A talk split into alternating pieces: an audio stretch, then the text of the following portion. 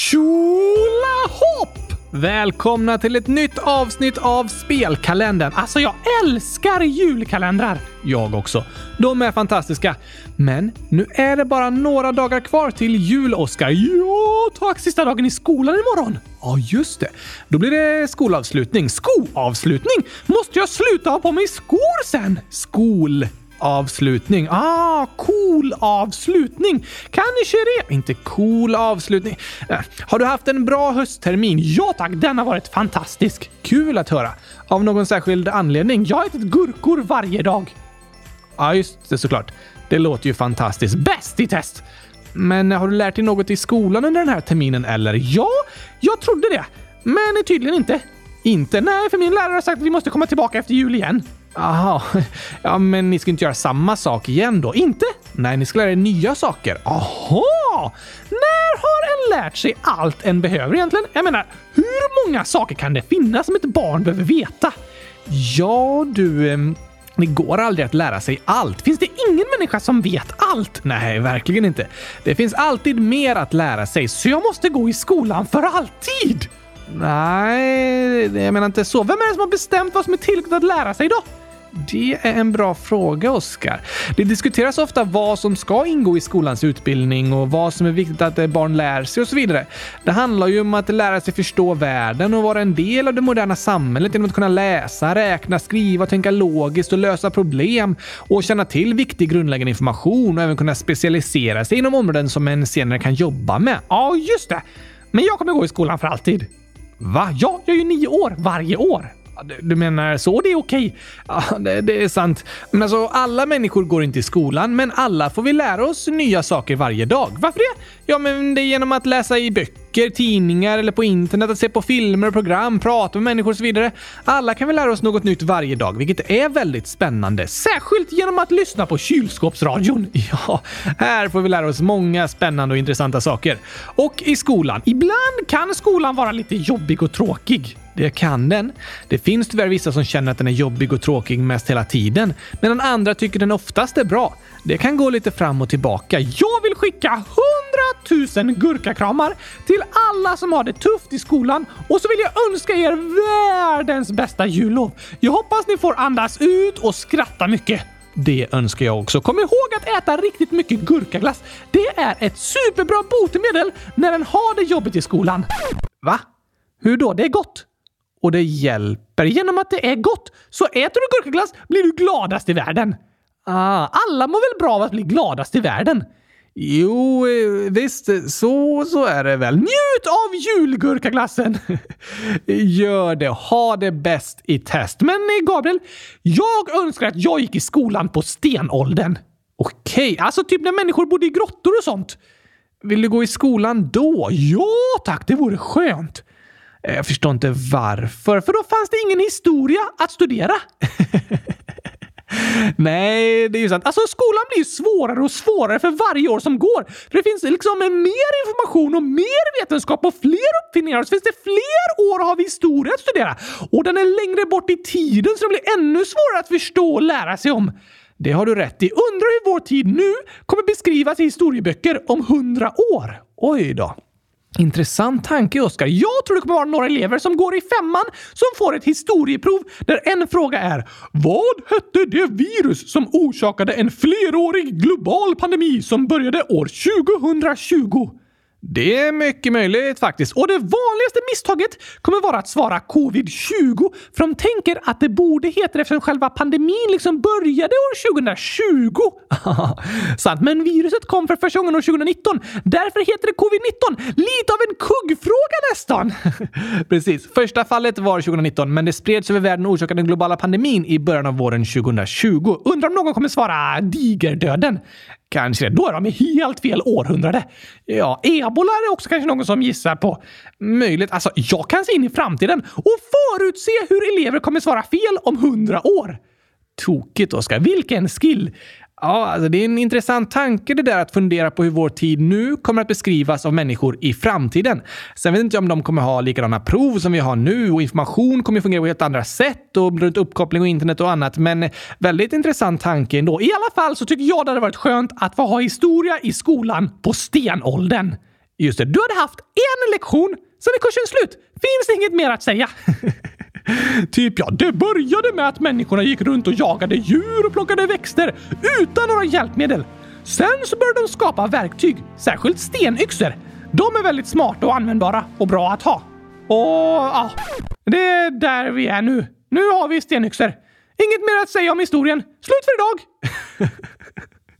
En historielektion på stenåldern. Alltså, jag kan ärligt säga att jag hade fått A på det historieprovet. Jag hade kommit ihåg allt. Jag håller med om att det var lite lättare, men de skulle ju kunna studera dinosaurier och sånt kanske. Fast de visste inte ens om att de funnits. Det de kände till var att förut hade vi inga stenyxor. Nu har vi stenyxor. Slut på historien! Ja, lite förenklat, men jag, jag förstår din poäng, Oskar. Det är tokigt att desto längre tiden går, desto mer lär vi oss om nutida historien och om historien längre bakåt i tiden. Sant. Alltså, det är omöjligt att vara barn och gå i skolan idag och lära sig om vad kungens, farfars, morfars, sysslings, kusins, dotters, pojkväns, lärares katt hette för något. Riktigt det får vi inte lära oss på historielektionerna. Det känns så! Ibland kan det kännas lite så som att det är väldigt mycket information som man tänker, vad ska jag göra med den här informationen? Livet var enklare på stenåldern. Det var ett tufft liv, men historieproven var nog lättare i alla fall. Fast de gick ju inte i skolan på stenåldern. Nej, nej. Men har du bra sista dagar för terminen eller? Ja tack! Igår lekte vi gissningsleken i skolan. Okej, väldigt roligt faktiskt. Läraren gav alla eleverna varsitt papper så fick vi gissa svaret på massor av frågor.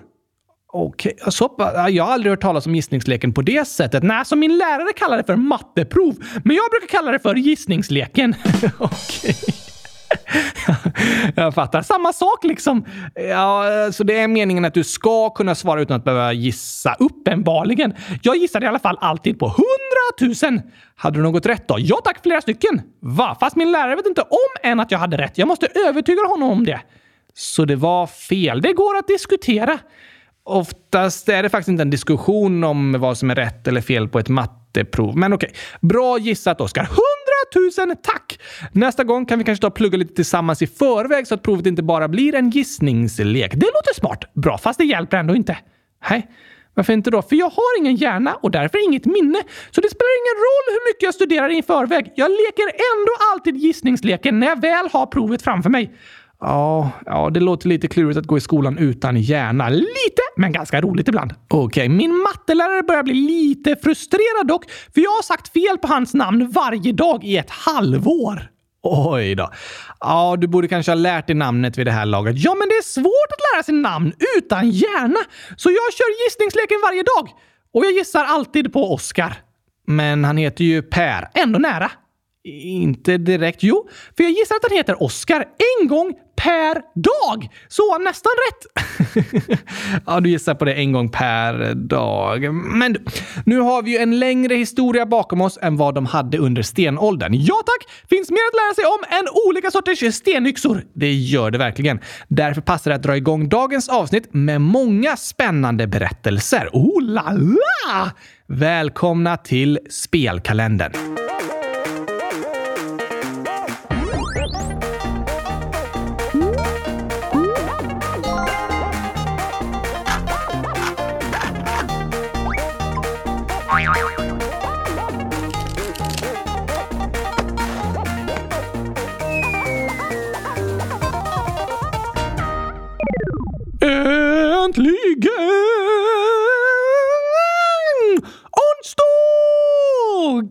Äntligen 21 december och ett nytt avsnitt av Spelkalendern. Två kvar efter det här! Ja, nu närmar vi oss julafton. Spännande! Men vilket förslag har vunnit omröstningen? Idag slår vi ihop två förslag i ett. Jaså? För det är många lyssnare som vill att vi ska prata om Oscarspelen. De är i toppen av omröstningen. Ja, såklart! Och det är även många som vill att vi ska prata om olympiska spelen. Då kan vi prata om olympiska Oscarspelen! Ja, det var det jag tänkte. Perfekt! Och vi börjar med lite historia om oss oss. Nej, jag menar med ett S. Om eh, OS! ja. Olympiska spelen är ju idrottstävlingar som hålls vart fjärde år, förutom när det är pandemi. Just det. Under pandemin var det första gången ett OS inte genomfördes sedan andra världskriget. Men den här gången flyttades det ju fram. Under världskrigen så ställdes de in. Oj, oj, oj! Hur länge har olympiska spelen hållit på? De har hållit på i lite olika omgångar. De tidigaste dokumenterade olympiska spelen genomfördes år 776 före Kristus i det antika Greklands Olympia. Olympia? Ja. Det var som en helig plats i den grekiska mytologin för gudarnas konung Zeus. Jag har lärt mig på historielektionerna att de hade många olika gudar och gudinnor i grekisk mytologi. Helt rätt, Oskar. Alltså, jag har lärt mig så mycket på de här lektionerna!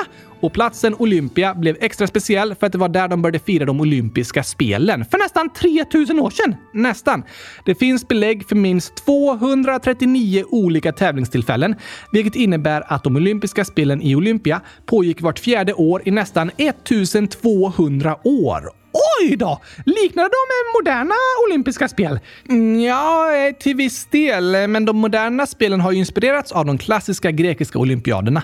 I antikens Grekland var det dock bara pojkar som fick delta och innan romartiden var det bara grekiska pojkar. Ah, så inte så inkluderande som idag? Verkligen inte och det var omstridda spel mellan olika städer och riken.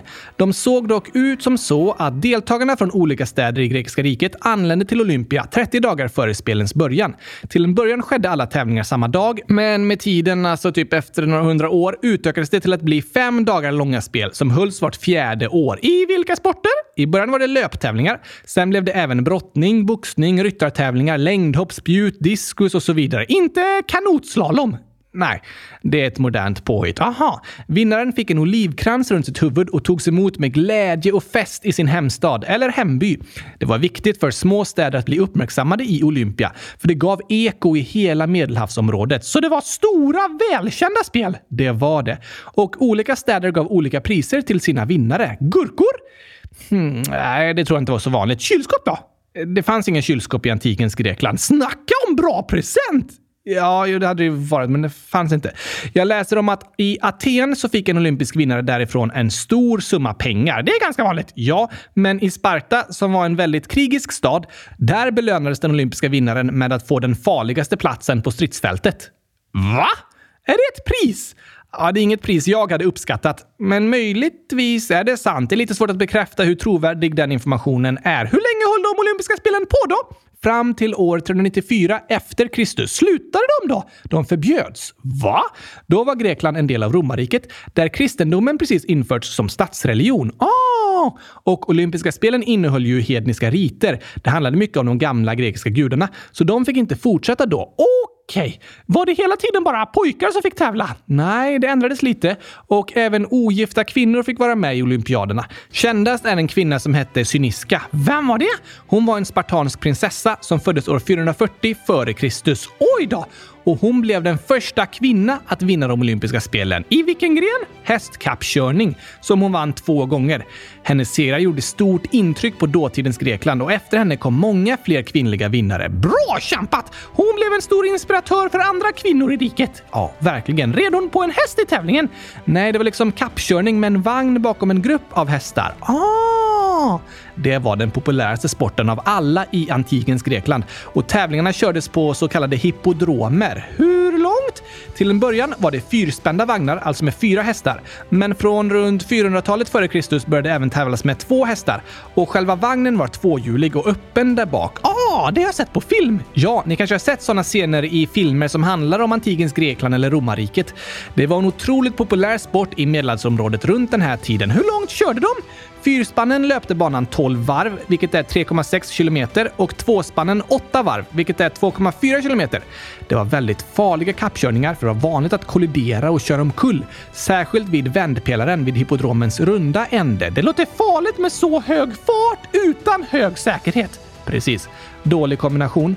Men år 396 f.Kr. ställde den rika spartanska prinsessan Cyniska upp i den farliga hästkappkörningen med hästar hon tränat själv. Aha!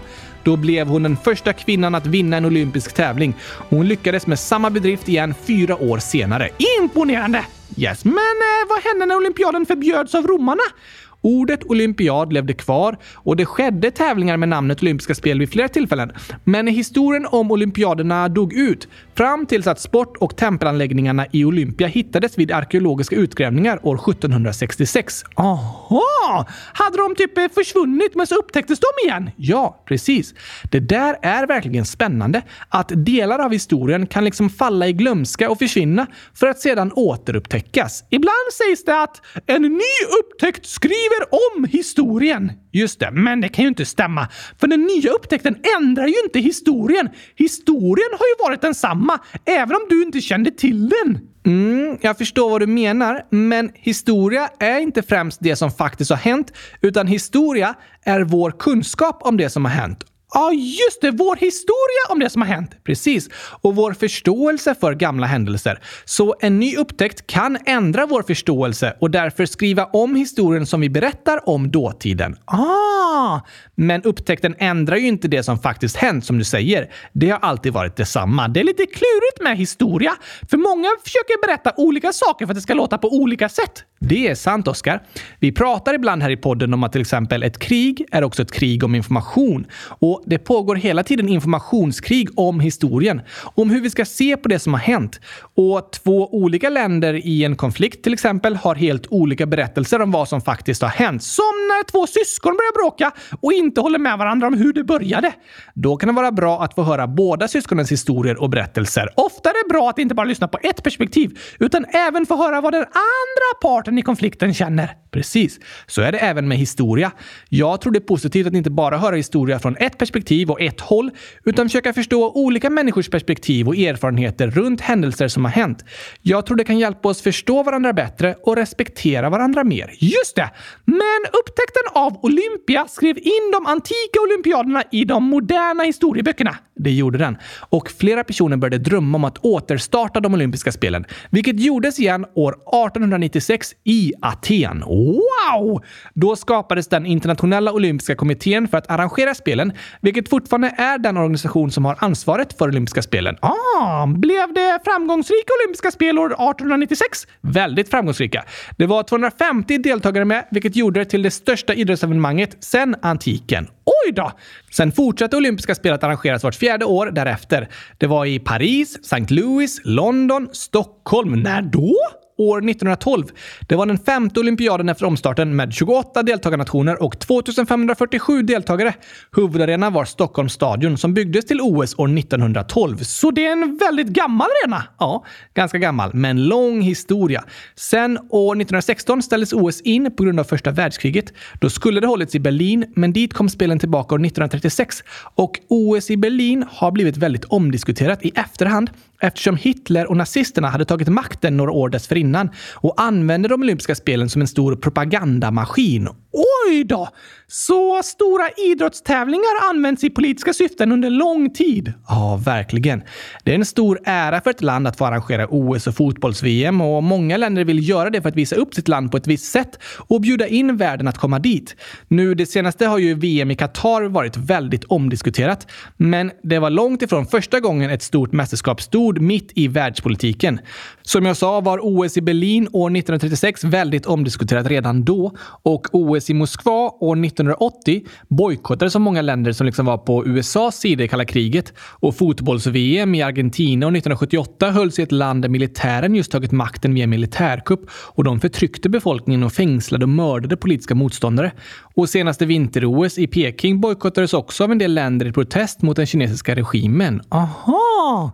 Många säger att de vill hålla isär sport och politik och VM och OS finns till för att förena världens länder runt sport. Men det är så otroligt stora turneringar att de alltid kommer ha stort politiskt inflytande och makthavare kommer försöka använda dem för att få sig själva att se bra ut. Och det är inget nytt fenomen, utan det har pågått sedan turneringarna startade. Jag fattar! Jag vill även säga grattis till Argentina! Ja, otroligt roligt att de vann tycker jag. Vilken finalmatch! Men tillbaka till moderna OS. Okej, hur länge har vinter-OS funnits? Det infördes redan år 1924 och till en början hölls det samma år som sommar-OS. Men sen år 1994 hålls vinter-OS mitt mellan sommar-OS. Så sommar-OS 2020, sen vinter-OS 2022, sommar-OS 2024, vinter-OS 2026 och så vidare. Precis. Fast sommar-OS 2020 flyttades till år 2021 på grund av pandemin, men hette fortfarande OS 2020.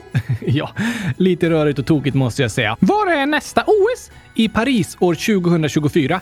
Det blir tredje gången det hålls i Paris, vilket är rekord tillsammans med London. Nej, Olympia hade ju 239 olympiska spel. Ja, det är rekord. Men jag menar sedan de moderna spelen startade. Aha! Hur många är med på OS nu för tiden?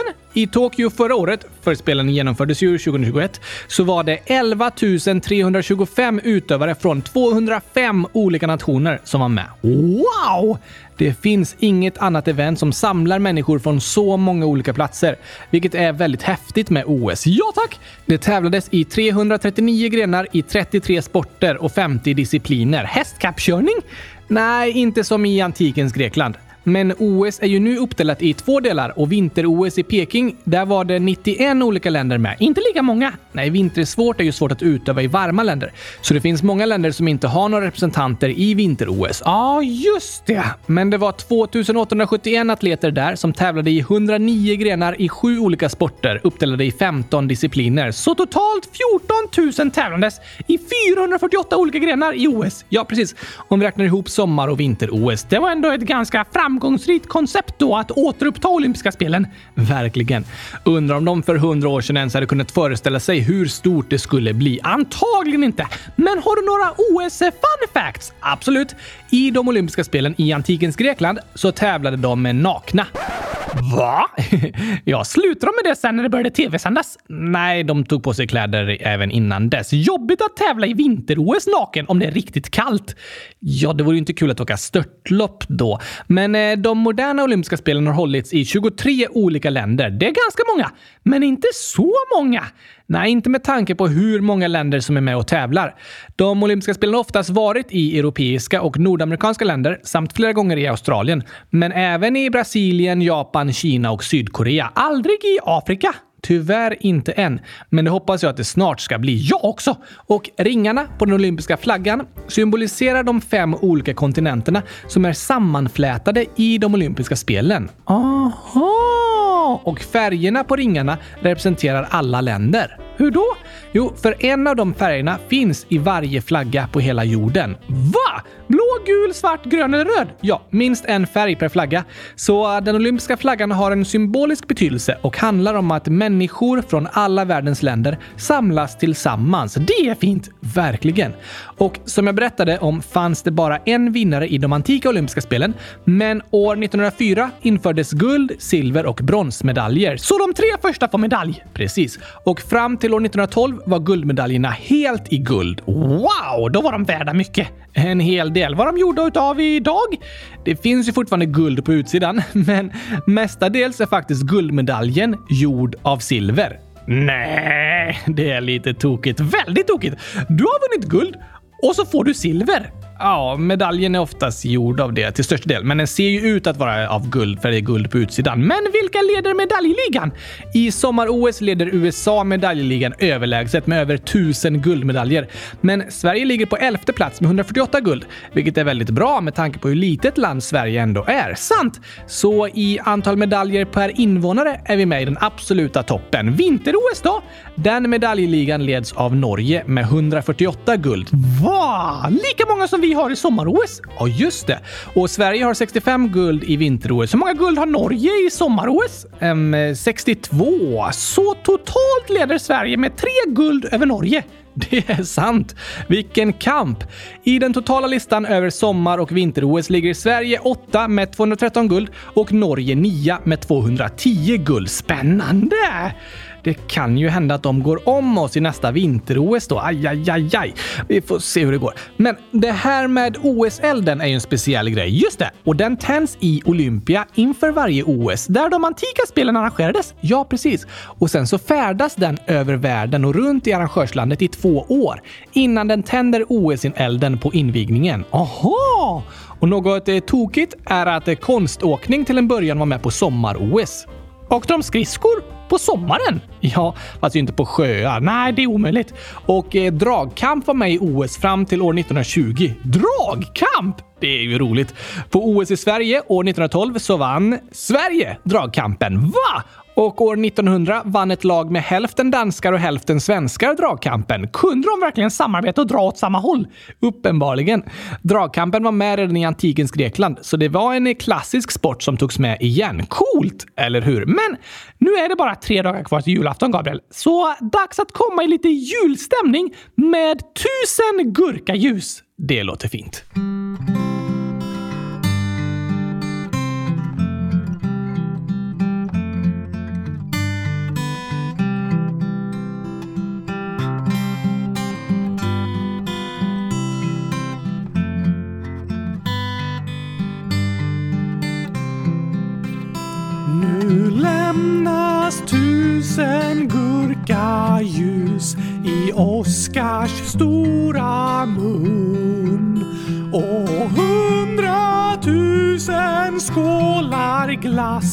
Som gör han riktigt rund.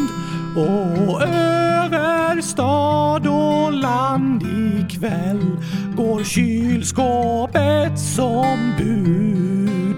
Från matbutiken fylld med glass hon vandrar utan ljud. Du, Gabriel? Ja, för nästan 3000 år sedan började de första olympiska spelen. Sen behövde de utvecklas och förbättras lite. Hur menar du? Att fler blev inkluderade och fick vara med? Ja, just det. Det var en viktig förändring. Jo tack! Men nu är det dags att utveckla och förändra spelen en gång till. För de olympiska Oscarspelen! Okej, okay, vi har under de senaste åren fått många förslag till Oscarspelen och väldigt många lyssnare som har skrivit och berättat att de vill vara med. Precis. Alla är välkomna. Mer än välkomna. Ni är gurkomna! Gurkomna. Precis. Det är så jag känner med gurkor. Okej, okay, alltså välkommen låter lite passivt. Typ, jag öppnar dörren och låter dig gå in om du vill. Ja, men om du är gurkommen, då vill jag göra allt jag kan för att du ska komma hit. Du menar så. Det är som när jag springer till affären och hämtar alla gurkor jag kan hitta. De är gurkomna hem till mig. Nästan tvingade att komma hit. Inte snällt att tvingas. Nej, ingen är tvingad, men jag vill bara visa hur gärna jag vill att ni ska vara där. Ni är gurkomna till olympiska Oscarspelen. Det är ni. Och som du säger är det ju en fin känsla att känna sig önskad. Ja tack, jag vill att ni ska vara där. Liksom jag vill att jag ska ha gurkor i kylskåpet. Ja, men eh, när kommer de olympiska Oscarspelen äga rum då? Äger de ett rum? Nej, alltså när kommer de arrangeras? Vem är arg? När kommer de bli av? Vem är det som har gått av? Oh, när ska vi samlas för att tävla i olympiska Oscarspelen? Nu! Nu! Alla är gurkomna. Vart? Överallt. Okej, ni kan tävla var och hur ni vill.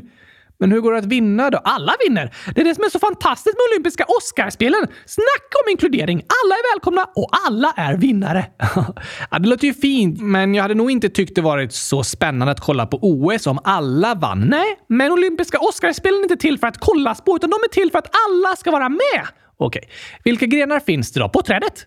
Nej, Oscarspelen. Ja, ah, just det. Det har vi också fått förslag på. Det finns gurkakastning, gurkafäktning, gurkabasket, gurka på sked, gurkagolf, gurkaglasskastning, gurkahopprep, hitta gurka i affären och chokladglassgolf. Va? Ja, man ska slå iväg glassen så långt som möjligt. det blir det med chokladglassen. Tokigt ju. Om ni har fler förslag så skriv dem till oss så lägger vi till dem i olympiska Oscarspelen. Ja, jag tror ni förstår vad för slags tävlingar som passar. De handlar om att älska kylskåp och gurkor. Och det är också okej okay att skjuta iväg choklad så den åker långt bort. Just det, nu ska vi bygga en hickodrom. Vad är det? Det är som en hippodrom där de hade hästkappkörning i antiken. Ja, men alla som är där har hicka. En hickodrom! det låter jobbigt. Ja tack! Men alltså, gurkahopprep. Hur är det ens möjligt med världens längsta gurka? Ja, den är ju lång men inte tillräckligt lång. Det går om du är väldigt smidig. Mm, ja, men det är inte tillåtet att använda ett grönt hopprep eller? Men det är ju ingen gurka. Nej, men om jag döper hopprepet till gurkan, det går bra. Ja, Smart. Eh, då tycker jag vi kan ha kylskåpsrally också. Ja, med rullande kylskåp. Ja, men det finns inte riktigt, i alla fall inte som har en motor så, så vi kan ställa upp med min bil i rallyt och döpa den till kylskåpet. Alltså vilket geni du är Gabriel! Eller hur? Då åker vi runt i kylskåpet. Efter fyra och ett halvt år tillsammans med mig har du äntligen utvecklat ditt klurifaxiga tänkande på riktigt. Yes, äntligen. Då inviger vi de första olympiska Oscarspelen! Eh, nu liksom. Jag tänder OS-gurkan. Brinner den? Inte så bra. Och det är fantastiskt för jag är rädd för eld. Ja, så jag målar en eldslåga här längst upp på den bara. Snyggt Oskar! Olympiska Oscarspelen är invigda! Wow! Om ni vill ställa upp i någon av tävlingarna så gör så gott ni kan så kan ni skriva resultatet till oss sen. Ja, ni kan nog hitta på reglerna ganska fritt så vinner du OS-guld. Vad får du då? En medaljgurka? Ja, såklart. Gurkaskivor sänder ut som små medaljer. Ja, det passar ju bra att hänga runt halsen. Jag har fått hundratusen stycken sådana OS-guld. Va? Har jag aldrig sett. Nej, jag har ju såklart ätit upp dem direkt för de är så goda medaljerna.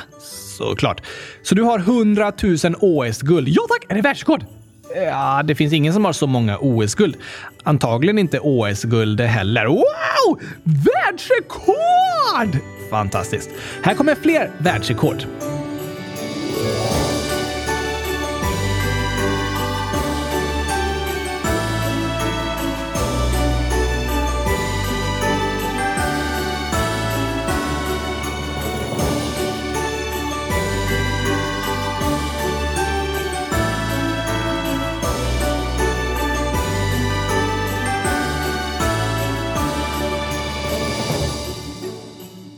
Några klassiska OS-världsrekord, Gabriel? Ja, visst.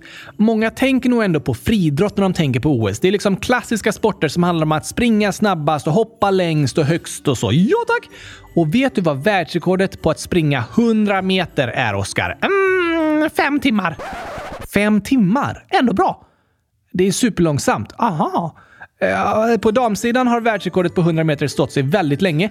År 1988 sprang Florence Griffith Joyner på 10,49 sekunder och det är fortfarande rekordet. 10,49! Helt otroligt! Och på här sidan är det ju Usain Bolt som har världsrekordet på 9,58 sekunder. What? Höjdhopp då? Vad tror du världsrekordet är? Um, 25 eh, meter.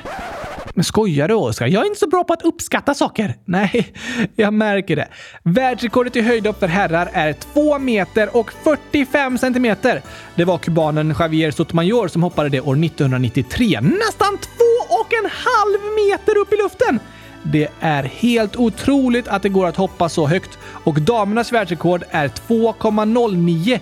Det sattes av Stefka Kostadinova från Bulgarien år 1987. Flera ganska gamla rekord ändå. Ja, de är så otroligt bra att de är väldigt svårslagna. Men inomhus har vi en svensk världsrekordhållare på damsidan då Kajsa Bergqvist hoppade 2,08. Wow! Och vi har ju även ett svenskt världsrekord i stavhopp. Armand Duplantis har hoppat 6 meter och 21 centimeter högt med en stav! Det är helt otroligt.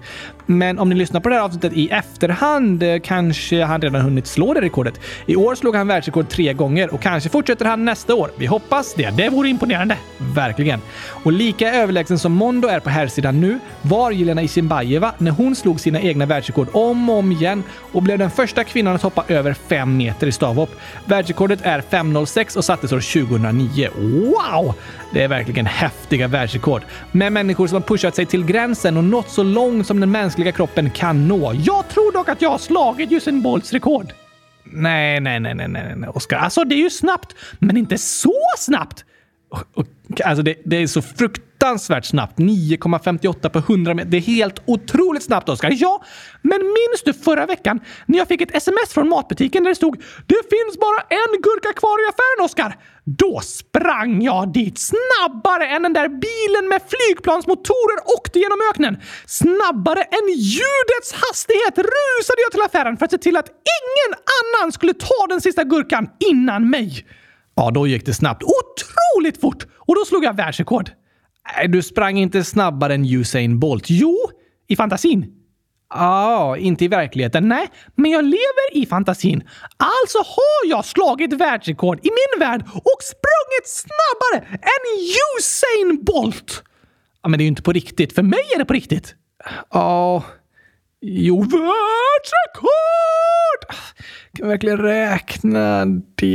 jag förstår vad du tänker. Du var snabb till affären i fantasy. Kanske ännu snabbare än Usain Bolt.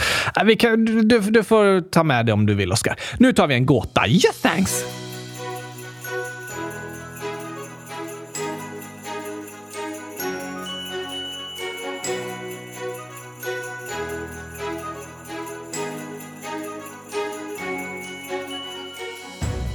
I förrgår ställde jag gåtan. Två mammor och två döttrar sitter i en bil, men det är bara tre personer i bilen. Hur är det möjligt? Det är omöjligt. Nej, faktiskt inte. Jag har verkligen ingen aning. Eller kanske en dubbelgångare? Ja, nej, eller ja, det är någon av dem som har två roller. Va? Vi har lite kluriga förslag från lyssnarna. Bland annat att det inte står att de sitter i samma bil. Nej, det var smart tänkt. Men de gör faktiskt det. Ändå rätt tycker jag. Ja, visst. Andra har föreslagit att det var en kopia. Också smart tänkt, verkligen.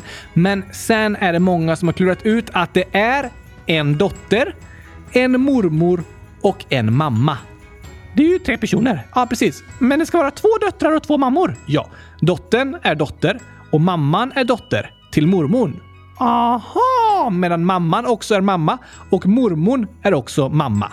Asså! Då är det tre personer, men två döttrar och två mammor. Vad klurifaxigt med en som var både mamma och dotter till andra personer i bilen. Eller hur?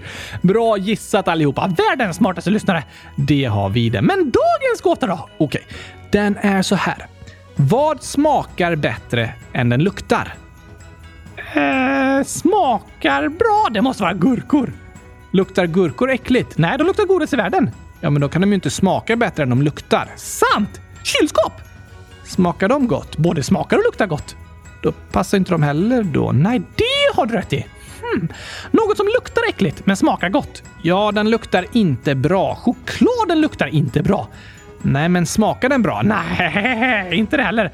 Men eh, kanske bättre än den luktar, för den stinker verkligen. Okej, okay. du kan gissa på det. Ni lyssnare kan skriva gissningar på hemsidan www.kylskåpsradion.se. Gör det! Så läser vi upp dem i övermorgon. Och med det ska vi avsluta för idag. Men först så frågar jag dig om du har lärt dig något, Oskar. Jag har lärt mig att jag skulle vilja gå i skolan på stenåldern. Just det, på historielektionerna där i alla fall. Ja, tack! Och så har jag lärt mig om att OS handlar om att människor från hela världen möts och tävlar och spelar med och mot varandra. Precis, och det är ett bra exempel på att det är viktigt att människor från olika platser och bakgrunder träffas och gör saker tillsammans. För då lär man känna varandra och kan bli bättre kompisar, vilket gör att man förstår varandra bättre och respekterar varandra mer. Väldigt sant, Oskar. Jag tror också det är viktigt att vi människor från olika bakgrunder och platser får träffas och spela och ha roligt tillsammans. Det är ett sätt att lära känna varandra och förstå varandra bättre. För som vi sa berättas historien ofta från ett perspektiv. Men det kan vara bra att höra vad olika parter har sagt om något som har hänt för att få höra mer än en version. Sant. Till exempel om någon blir anklagad för något är det viktigt att den får försvara sig och berätta sin version av det som har hänt. Historier kan berättas från olika vinklar och perspektiv och det är viktigt att få höra vad olika olika parter har att säga om det som har hänt, om hur de kände när det hände. Precis. Det är viktigt att vi lyssnar på varandra och hittar sätt att lära känna människor som är från andra platser för att vi bättre ska förstå varandra och respektera varandra. Annars kan det lätt sprida sig fördomar. Det har du rätt i. Fina reflektioner, Oskar. Lyssna på varandras olika perspektiv och försök förstå varandra. Det är lärorikt. Väldigt lärorikt. Och med det så ska vi avsluta dagens avsnitt. Ja, men först två hälsningar! Okej, okay. Supergurkan 7, snart 8 år skriver “Jag fyller år den 22 i 12, alltså i december. Kan ni gratta mig då? Hur många gurkor är det? 100 000 stycken! 636 000 stycken! Wow, och ja såklart! Grattis på åttaårsdagen Supergurkan! Hoppas du får världens bästa födelsedag med massor av gurkaglass! Det önskar vi dig. Eller i alla fall att du får äta något som du tycker om och får en dag med mycket skratt och glädje. Ja, ja, ja, ja, ja tack! God jul också! God jul! Och sen skriver Gabriel, snart sex år. Hej kylskåpsradion! På torsdag den 22 december fyller jag sex år. Snälla gratulera mig på min födelsedag. Grattis, grattis, grattis, grattis, grattis, grattis, grattis, grattis, hundratusen grattis på födelsedagen Gabriel! Stort grattis till dig! Ha en superduper bäst i test födelsedag! Hoppas du får njuta av dagen och skratta mycket. Ja, tack! Och vi önskar er alla lyssnare fin, fina skolavslutningar så hörs vi igen på fredag. Då blir det avsnitt både fredag och lördag. Två dagar i rad. Fantastiskt! Vilket sätt att fira in julen alltså. Bäst i test! Vi hörs snart igen. Tack och hej! Antik gurkapastej. Hej då!